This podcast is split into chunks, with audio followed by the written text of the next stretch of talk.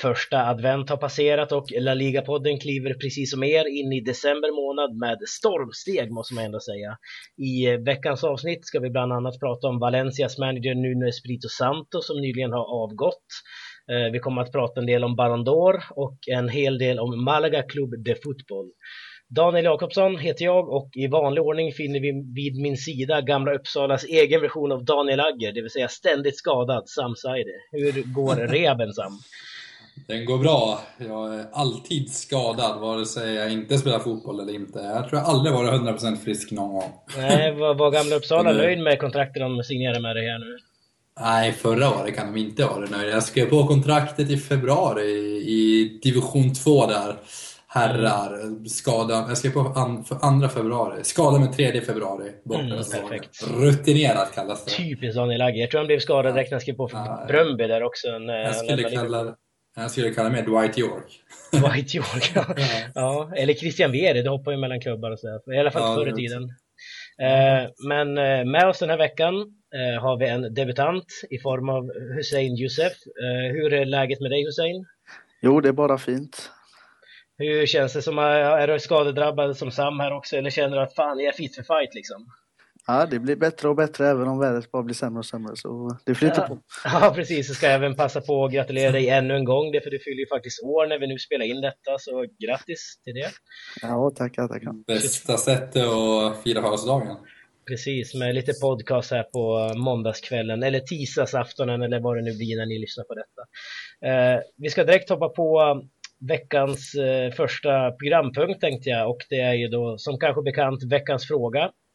Eh, som denna vecka är inskickad av Simon Friberg. Han har skickat in den till laligapodden gmail.com dit ni också kan skicka era synpunkter, era frågor eller ämnen som ni vill att vi ska ta upp i kommande program. Eh, frågan lyder i alla fall som följande eh, och handlar om John Guidetti, vår egen svensk. John Guidetti startade senaste matchen för Celta Vigo. Tror ni att han kommer att vara Celtas första val framöver? Jag skickar den direkt till dig Sam. Uh, nej, jag var faktiskt ganska förvånad att han fick starta överhuvudtaget. Eller både och någonstans. Någonstans behövde Celta få in lite nytt blod då resultaten kanske har gått lite upp och ner och efter förlusten mot Depor har det varit så lite små turbulens med tanke på att de har startat så bra. Mm. Uh, men jag tror ändå att Iago Aspas, också hur den här matchen utvecklar sig, uh, kommer vara första hans val framöver. Mm. Även om det kommer komma fler tillfällen. Hur och tänker Aspas, du där då? Ja men Aspas har gjort det väldigt bra och eh, det var väl mer att Guidetti skulle få chansen mer än att Aspas hade gjort det dåligt. Så det var ju inte att man liksom eh, tog bort Aspas för att han var dålig utan snarare för att Guidetti förtjänar en chans sedan när matchen väl körde igång, ja, Guidetti var aktiv, kämpade slit, hade något skott där på mål, men i slutändan är det Aspa som kommer in och ligger bakom segermålet och är väldigt aktiv den lilla tiden han spelar. Så mm. han stärkte ju inte direkt sina odds eh, baserat på den här matchen. Nej, om jag bollar över frågan till dig då Sein, vad tror du? Tror du att Guidetti kommer att vara Celtas första val eller fortsätter man med Aspa som Sam är inne på? Eh, jag tror man kör vidare på eh, Aspas. Jag tror han har gjort det tillräckligt bra eh, de matcherna han har fått spela hittills. Jag tror att Celta har väldigt stora förhoppningar på Guidetti men nu framöver, kanske hela den här säsongen, så får han instämma sig och stå bakom Aspas då. Och mm. jag tror att han, ja, han får ta de inhoppen och göra det bästa av det och skulle det bli någon skada så är han första valet där så det är det han får instämma sig på.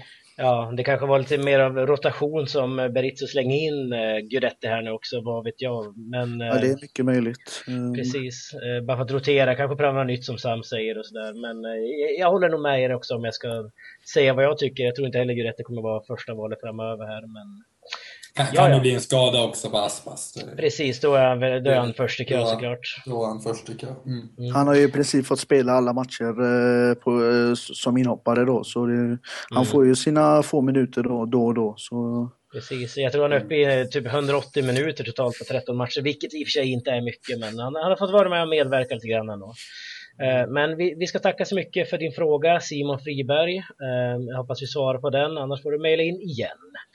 Eh, vi hoppar direkt vidare och ska snacka lite grann om Valencia och deras managerskris som man nästan ändå får säga. Eh, efter förlusten mot Sevilla här i helgen så avgick Nuno Espirito Santo omgående. Han sa att det här beslutet hade han tagit redan innan matchen, men han tog det officiellt efter matchen i alla fall och eh, har lämnat Valencia nu helt enkelt. Hur känner du spontant Sam, nu när Nuno Espirito Santo till slut har lämnat? Vi har ändå diskuterat det här en hel del under hösten här.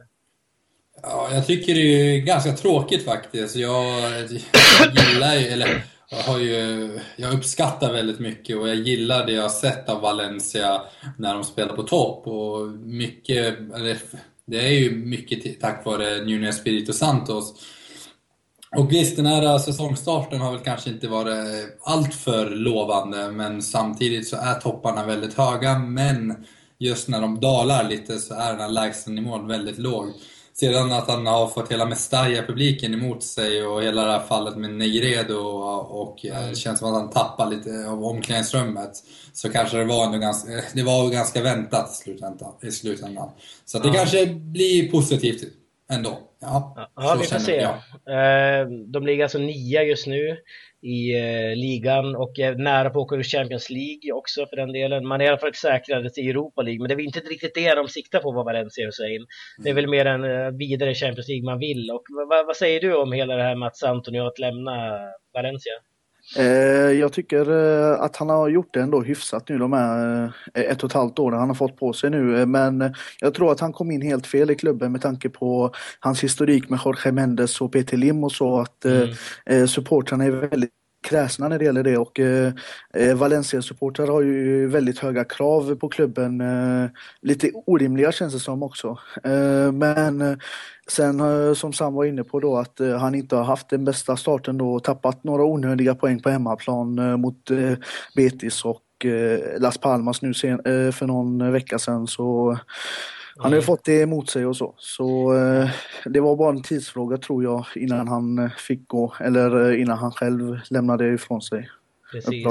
Uh, vi, vi snackade lite grann här också, som ni är inne på här, att Mestalla vänder sig faktiskt emot nu när det sprids och eh, mycket är ju på grund av det, Kasper Nordqvist var ju med för några veckor sedan och pratade om att eh, han spelar en väldigt defensiv fotboll och kanske ingen visste riktigt hur han skulle spela. Men en stor faktor Sam, tror du inte att det kan vara med det här, allt det här bråket med Alvaro Negredo? Det var ingen som fick reda på varför Negredo petades i slutändan. Ingen vet varför han isolerades. Tror du att det kan ha någonting att göra med att Mestalla-fabriken till slut vände sig emot honom?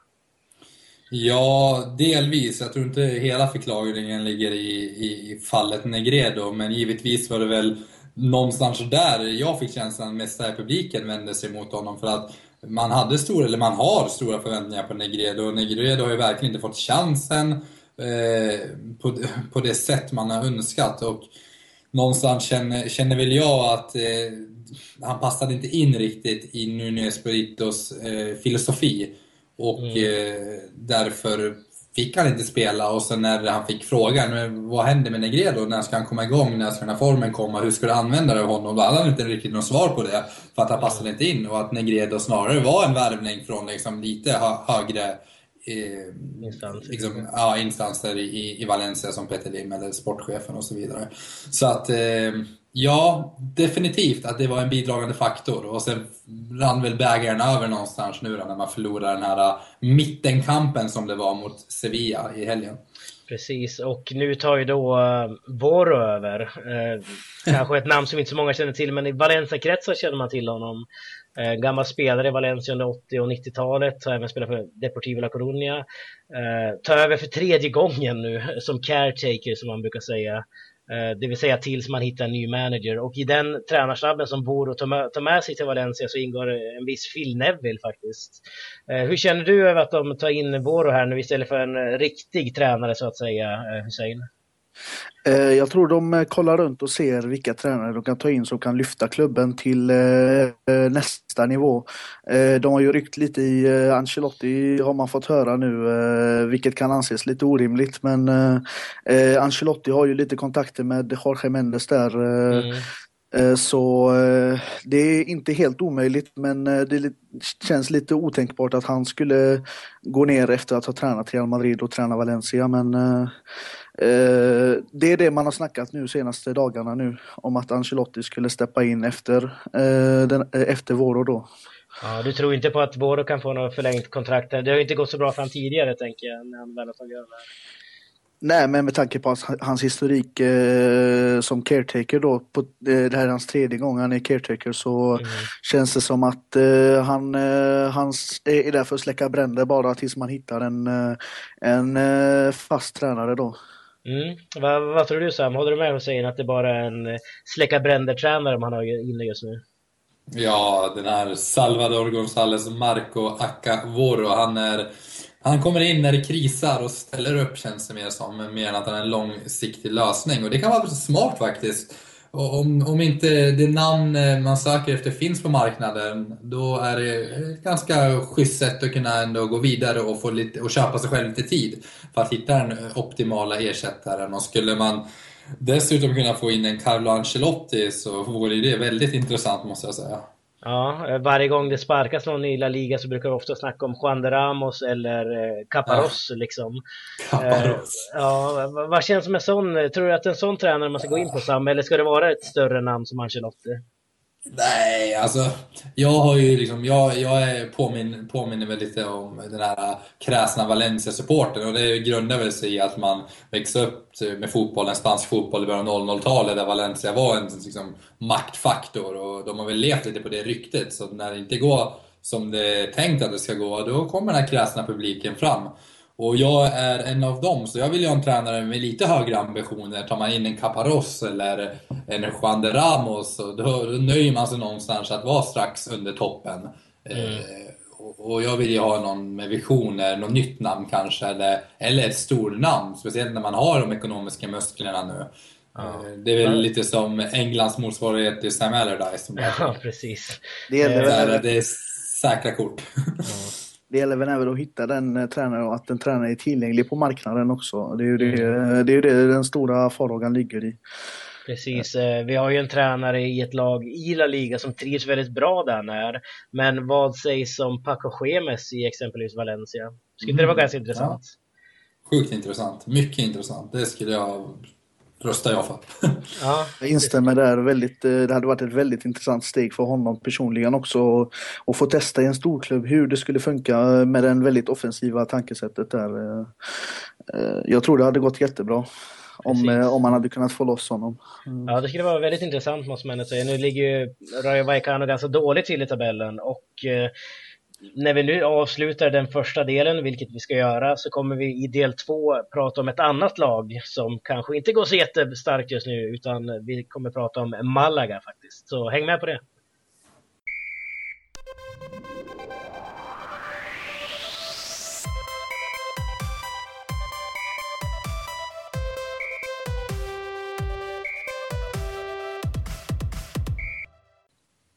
Förra säsongen slutade Malaga på en respektabel nionde placering med hela 15 poäng ner till nedflyttning. Men efter 13 omgångar in på den nuvarande säsongen så ligger Malaga faktiskt fortfarande under strecket med blott 10 inspelade poäng. I helgen mötte Malaga Granada i Derby de Andalusia Oriental och eh, det var en match som slutade 2-2 trots ledning 2-0 till Malaga där. Eh, till att börja med Hussein, hur var matchen Malaga-Granada? Jag tycker att eh, Malaga spelade riktigt bra eh, första eh, 60 minuter. Eh, att eh, de eh, förde spelet väldigt mycket, fyllde på väldigt mycket på kanterna och kom till väldigt mycket avslut för ovanligheternas skull. De har ju haft lite problem med målskyttet. De har inte släppt in så värst mycket mål hittills nu men de det, det, det, det föll allting på plats då och eh, de gick upp i en 2-0-ledning men eh, det kändes som att eh, de slappnade av lite och Granada kom mer och mer in i matchen och eh, till slut fick de in eh, två nickmål då i slutet, eh, mm. sista tio och där tappar man otroligt viktiga poäng där i, för att eh, ta sig ur det här bottenträsket. Ja, alltså är det, jag, jag, har inte följt Malaga så noga i år. Jag har ju bott där tidigare så då följer de lite mer. Eh, men är det så här Malagas matcher ser ut nu den här säsongen? Är det så att man kanske ser bra ut många stunder och sen tappar man ett plötsligt? Varför tappar Malaga den här matchen för Hussein? Eh, det är väldigt svårt att svara på hur, eh, hur man tappar en 2-0-ledning mot en annan bottenkonkurrent eh, på hemmaplan men Eh, försvaret har ju som sagt funkat ganska bra så det är lite oro, oroväckande att även det läcker. Eh, sen får man inte ta ifrån Granada att de kommer tillbaka starkt de sista tio och tar med mm. sig eh, en poäng då från La Rosaleda men Nej, men det är lite, lite konstigt, men eh, själva laget eh, är ju väldigt eh, nybyggt och det, det, det är väldigt stor relians på spelare så, så det kan ju vara en, för, en förklaring till den dåliga starten jämfört med förra året där det gick lite bättre i alla fall med de unga mm. spelarna. Men Precis. tappar man eh, toppspelare på toppspelare så kan det ju gå lite sämre eh, ja. av förklarliga skäl. Absolut, man har tappat många viktiga spelare i sommar här. Men eh, om, vi kollar, om jag frågar dig då Sam här nu. Eh, mm. Malaga leder som är 2-0. Det är inte ens 10 minuter kvar av matchen. Man tappar till 2-2. Vad va, va är det för tecken? Vad skickar Malaga ut för tecken här tycker du? Och signaler? Ja, dels så handlar det om dåligt självförtroende.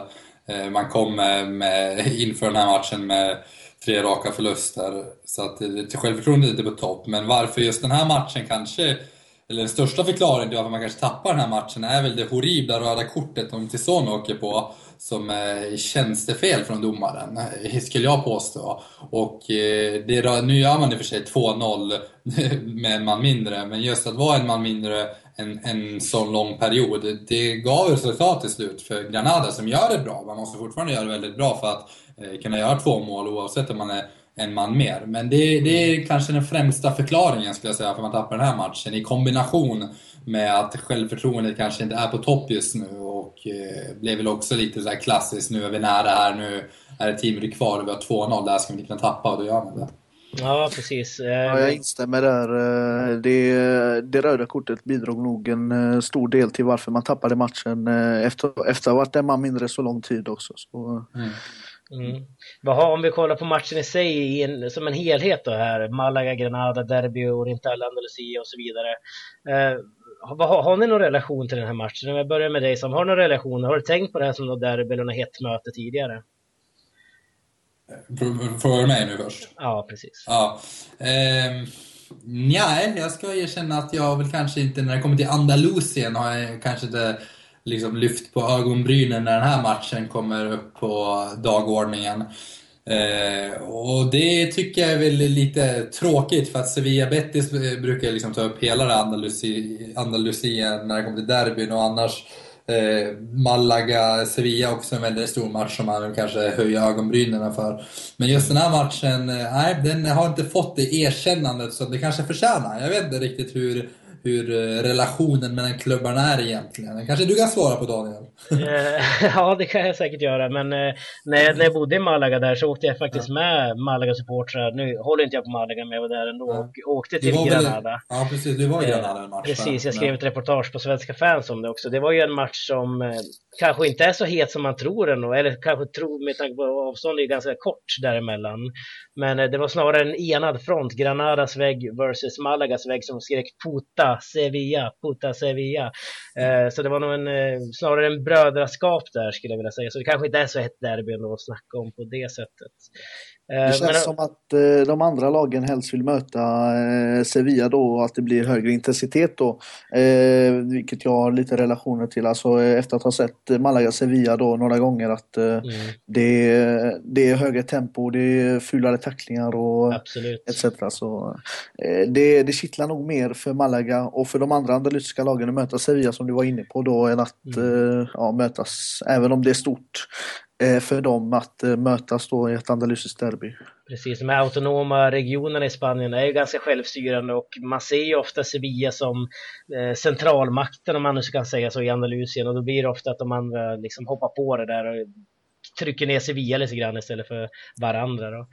Eh, men om vi återvänder till Malaga nu då. Du var inne på anfallsspelet förut Hussein. Eh, är det bara anfallsspelet som inte har stämt för Malaga den här säsongen? Eh, både ja och nej. Alltså de, de har ju fått in Charles nu från eh, Celta om jag inte missminner mig. Eh, och han har ju bidragit med ett par mål nu, det, det sista nu efter, han började ju med hattricket har jag för mig mot Real Sociedad där och sen har det väl rullat på lite, lite smått så men jag tror att det är mycket att man har tappat den här kreativiteten som Samu Castillejo och Samuel Garcia bidrog med förra året mm. efter att de såldes så att man hade en fin mittfältare där i Darde som såldes vidare till Lyon. Mm. Så jag tror det, det hänger ihop väldigt mycket och det, det, också, det visar ju också att försvaret som har fått eh, ha kvar eh, hela backlinjen då plus målvakt då att det funkar att ja, att försvaret funkar på men inte men att man inte kan skapa så mycket lägen. Nej, precis. Och trots att man ligger under nedflyttning, som du säger, försvaret funkar bra. Eh, det är bara Valencia, Atletico Madrid, Barcelona och Real Madrid som har släppt in färre mål än vad Malaga har gjort här nu. Men eh, Sam, om vi kollar på anfallsspelet här och kreativiteten som eh, Hussein pratar om saknas nu. Känner du också att det är det som är problemet i Malaga eller är det någonting annat du vill belysa? Nej, men jag delar den analysen fullt ut att den trion Hussein nämner den avsaknaden är total.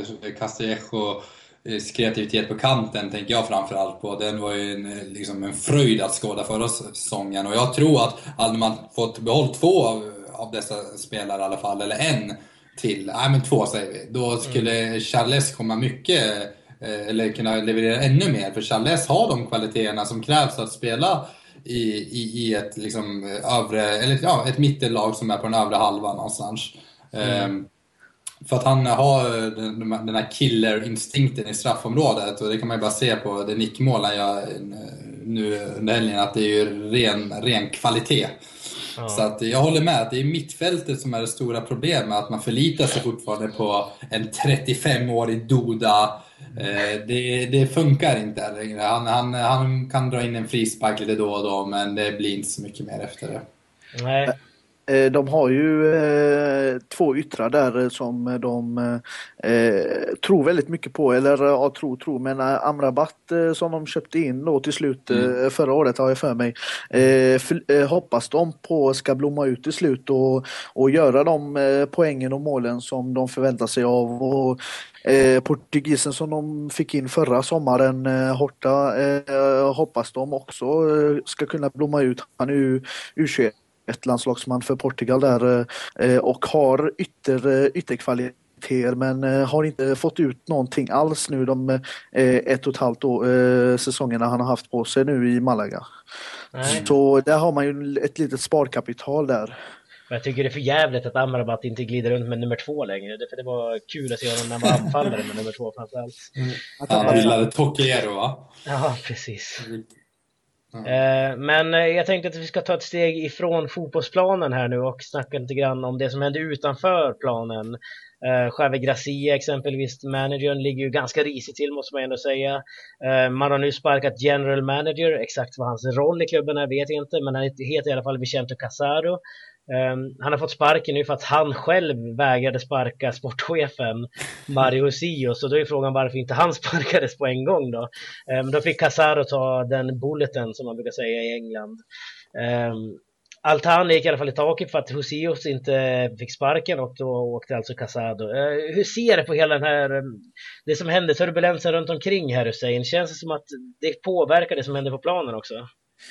Eh, både ja och nej. Alltså, I slutändan så tror jag det är att spelarna är lite isolerade av det. Men å andra sidan så visar det sig på eh, de spelarna som man säljer och att man ersätter dem med eh, yngre förmågor från eh, B-laget och lite, lite gratisspelare. Eh, vilket gör att laget drabbas av det och där, eh, där har ju Javi Gracia gjort det väldigt bra.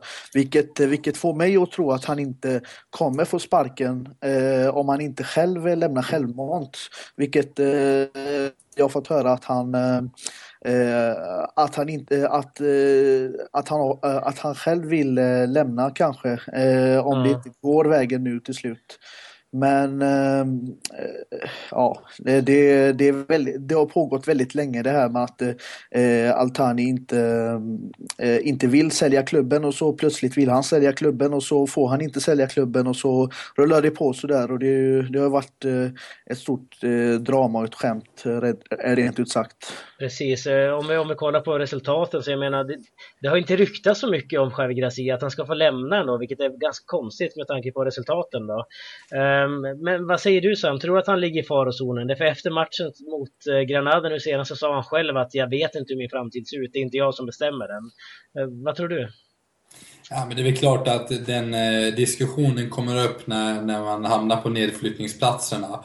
Eh, det är fullt naturligt. Sedan så eh, tror jag någonstans att Ja, man har väl inte så stora förväntningar heller. Gracia har han gjort det väldigt bra och eh, jag tror att han har ett väldigt stort förtroende bland, i ledningen. Alldeles, alltså, sen är det väldigt mycket turbulens här. Så att ja, jag blir, skulle inte bli förvånad om man får sparken men jag skulle inte heller bli förvånad om han inte får sparken. Så att det är liksom hugget som stöcket, skulle jag påstå. Mm. Eh, Eh, utåt sett så, eh, så är ju Gracia då med i den delen där, där de satsar på akademin och, och fostrar ja. egna spelare då där de utåt då försöker, försöker få slussa in så många B-lagsspelare som möjligt då, och att de har satsat på akademin vilket i viss mån stämmer då eftersom de har ju fått fram väldigt många intressanta spelare som har skickats vidare till andra klubbar då. Precis. Så det är det de hoppas på att köra vidare på. Men eh, det är ju förutsatt att eh, de stannar kvar i La Liga också, att, eh, så att man kan få betalt för det också. Ja, precis. Vi har tidigare varit inne lite grann, vi ska gå väldigt kort för tiden börjar rinna iväg här. Men väldigt kort om vi kollar på Malagas trupp då. Vi har varit inne på några som vi kanske förväntar oss mer av, några som, eller framförallt lagdelar som inte stämmer riktigt grann. Men om du skulle få lyfta en spelare här Hussein, som du tycker har varit ja, men, över förväntan, eller i alla fall som motsvarar dina förväntningar. Vem skulle du då vilja lyfta fram? Eh, jag är väldigt förtjust i målvakten Kameni faktiskt. Eh, jag tycker att eh, efter att ha hamnat lite i skymundan där när Willy Cavaliero stod där, som i och för sig gjorde det väldigt bra. Men eh, när han har fått eh, ta första posten där eh, så har han gjort det väldigt bra, vilket man kan se mot de stora lagen. Där han gjort fenomenal, fenomenal räddning på räddning så. så Eh, så han, eh, honom skulle jag vilja lyfta fram också. Eh, ja. Som är väldigt viktig pusselbit. Precis. Har du någon pusselbit Sam? Ja, jag skulle väl också egentligen säga Kameni, men då väljer jag att ändå lyfta fram Charles som jag tycker... Han har kommit upp till åldern men han eh, vet fortfarande hur man eh, hittar nätet och jag tror skulle Charles få lite mer kreativitet och fantasi bakom sig så tror jag han kan eh, lyfta Malaga till högre höjder. Mm, härligt. Då ska vi faktiskt sätta stopp för denna del två som var om Malaga och när vi är tillbaka så ska vi snacka lite Ballon d'Or.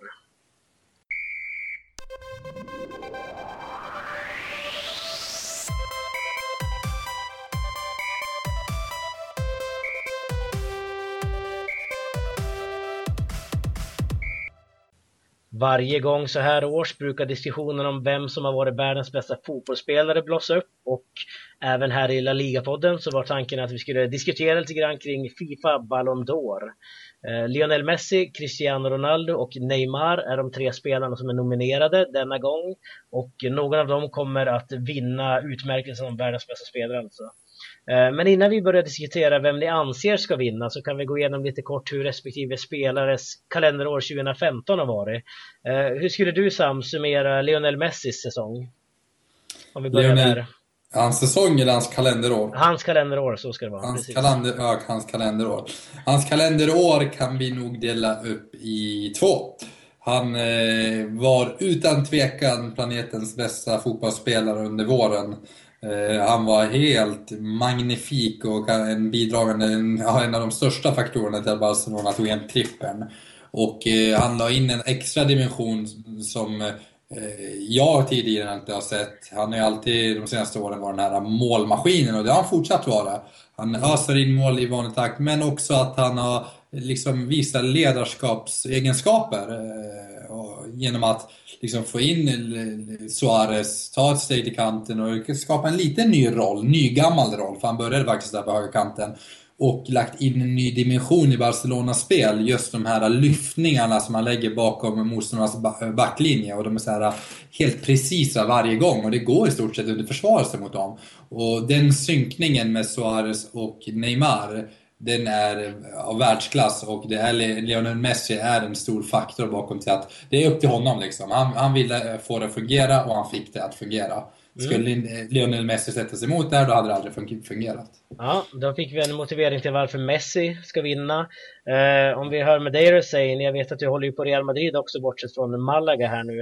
Eh, hur, hur, skulle du motivera varför Cristiano Ronaldo ska vinna Ballon d'Or 2015? Um, även hans kalenderår kan man dela in i två eh, där uh, vårsäsongen uh, bidrog han med, med han öste in mål och vann till slut eh, La Ligas Pichichi och eh, guldskon där. Ehm, eh, och, eh, men även där kunde man se tendenser till att han inte bidrog tillräckligt mycket till spelet som han tidigare har gjort eh, eh i sin, eh, vid sin nivå då, vid sin utsträckning. Vilket man eh, nu kan se på höstsäsongen här där han i vissa matcher gjort eh, fem mål då mot, borta mot Espanyol och hattrick på eh, Shakhtar Donetsk i Champions League men eh, där han gått mållös från många matcher och därefter blivit väldigt kritiserad av eh, eh supportrarna för att inte ha, ha bidragit tillräckligt mycket till spelet.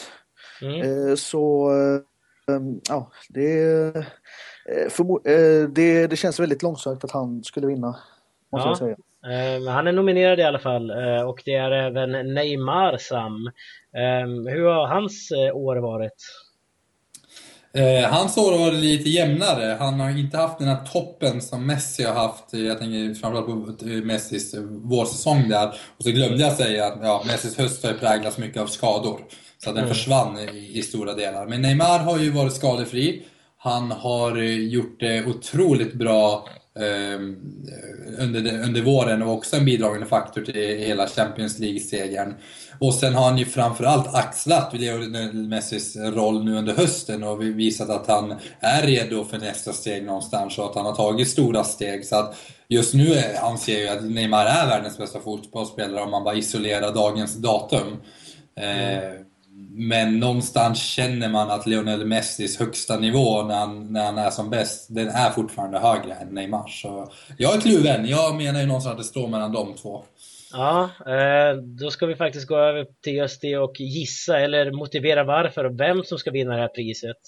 Eh, om vi börjar med dig då Hussein, om du skulle få säga, eller för den delen, är det någon ni saknar på den här listan får ni gärna ta upp det i era svar också. Men vem ska du vinna Ballon d'Or 2015 tycker du Hussein? Eh, jag tror att det självklart går till eh, Lionel Messi som har haft ett eh, fenomenalt år om man bortser från skadeperioden han har haft. Men om man bortser från det så har han haft ett väldigt viktigt år och där han, där han bidrog till Barcelonas trippel då förra säsongen. Mm. Så Lionel Messi skulle jag köra på. Mm, det är någon du saknar som borde vara med i den här trion? Eh, om det är någon eh, som eh, man kan argumentera för eh, saknas eh, så är det väl eh, Luis Suarez som även han har varit en väldigt viktig del i Barcelonas framgångar då med de tre Los Tres Amigos då i Barcelona där. Där alla tre har gjort det fantastiskt bra. Mm. Så han skulle man nog argumentera för men i slutändan så tror jag det är de här tre som, som förtjänar att vara med. Ja, eh, samma fråga till dig Sam. Vem bör vinna och varför och är det någon du saknar? Ah, jag vill egentligen passa, men jag säger Lionel Messi och det beror på att jag anser att hans högsta nivå eh, är fortfarande högre än Neymars och han har faktiskt manifesterat den under det här kalenderåret. Eh, så att Messi bör vinna och jag saknar väl också någonstans Suarez så att jag kände väl att ska, skulle han ta Ronaldos plats men å andra sidan har Ronaldo ändå gjort det bra på liksom ett individuellt plan och det, det är slutändan som räknas. Eh, så det var hugget som stucket. Så att ja, Suarez. Men egentligen vill jag ju också lyfta fram andra spelare eh, som kanske kommer i skymundan. Mer defensiva spelare. Eh, jag tänker en spelare som Jordi Alba som har gjort det väldigt bra, Sergio Busquets i Barcelona. Men även i andra lag som, eh, som eh, liksom inte får det erkännande de förtjänar alltid. Eh, nu, nu kan jag droppa många namn, allt från Manuel Neuer var ju med förra året också. Så att, ja, det, det, är en annan diskussion i och för sig. Det är en annan diskussion, precis. Men när du ändå är inne på det så kan vi, du nämnde Busquets här nu. Uh, vi, vi, kan ta lite kort också. Sergio Busquets blev intervjuad här i veckan om just Ballon d'Or. Han sa att nej, det är ett tramspris. Jag spelar för mina medspelare och det där betyder ingenting, menar Sergio Busquets. Håller du med Hussein? Tycker du att det här är ett pris som vi egentligen kan slopa om vi känner för det? Eh, det tror jag inte eftersom att eh, man kan ju se hur mycket det betyder för eh, eh Ronaldo och Messi att eh, utmana varandra om priset. Även om det är bara någonting de stolter, bara skyltar med så, så är det ju det de siktar på och får det här erkännandet att ja, jag är bäst i världen. Så jag tror att är eh, kanske inte det viktigaste priset så eftersom att i slutändan handlar det om att vinna fotbollsmatcher. Eh, som Busquets är inne på då. Men, eh, men jag tror att det är viktigt för de här individualisterna som, eh, som skiner då att kunna visa att jag är bäst i världen.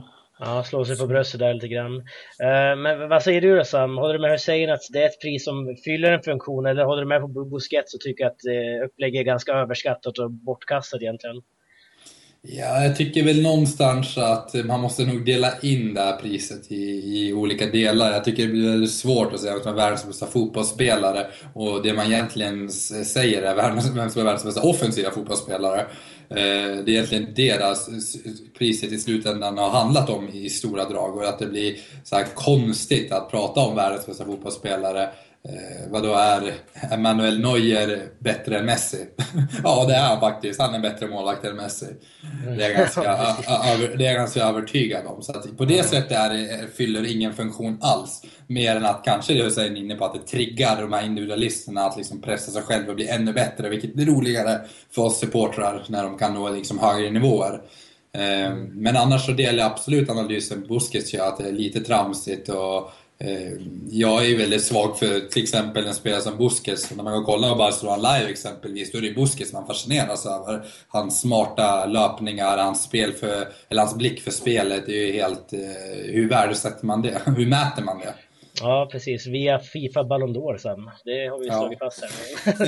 Eh, men eh, vi hoppar över till den andra då. Det är ju inte bara världens bästa fotbollsspelare man ska utse, man ska även utse världens bästa fotbollsmanager. Eh, och där har vi en representant från La Liga i form av Barcelonas Luis Enrique.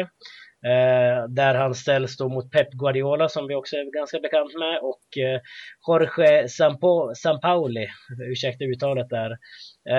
Vem ser du som största utmanaren här Hussein till Luis Enrique och tror du att han kan vinna det här priset? Eh, jag tror det är i princip självklart att eh, Luis Enrique är stor favorit att ta hem det här priset med tanke på trippen förra säsongen. Men jag vill ändå slå ett slag för San Pauli som överraskade och, och förde Chile då till Copa Americas titeln. Mm. Vilket var starkt i sig då. Att slå Argentina om jag inte missminner mig i final. Mm.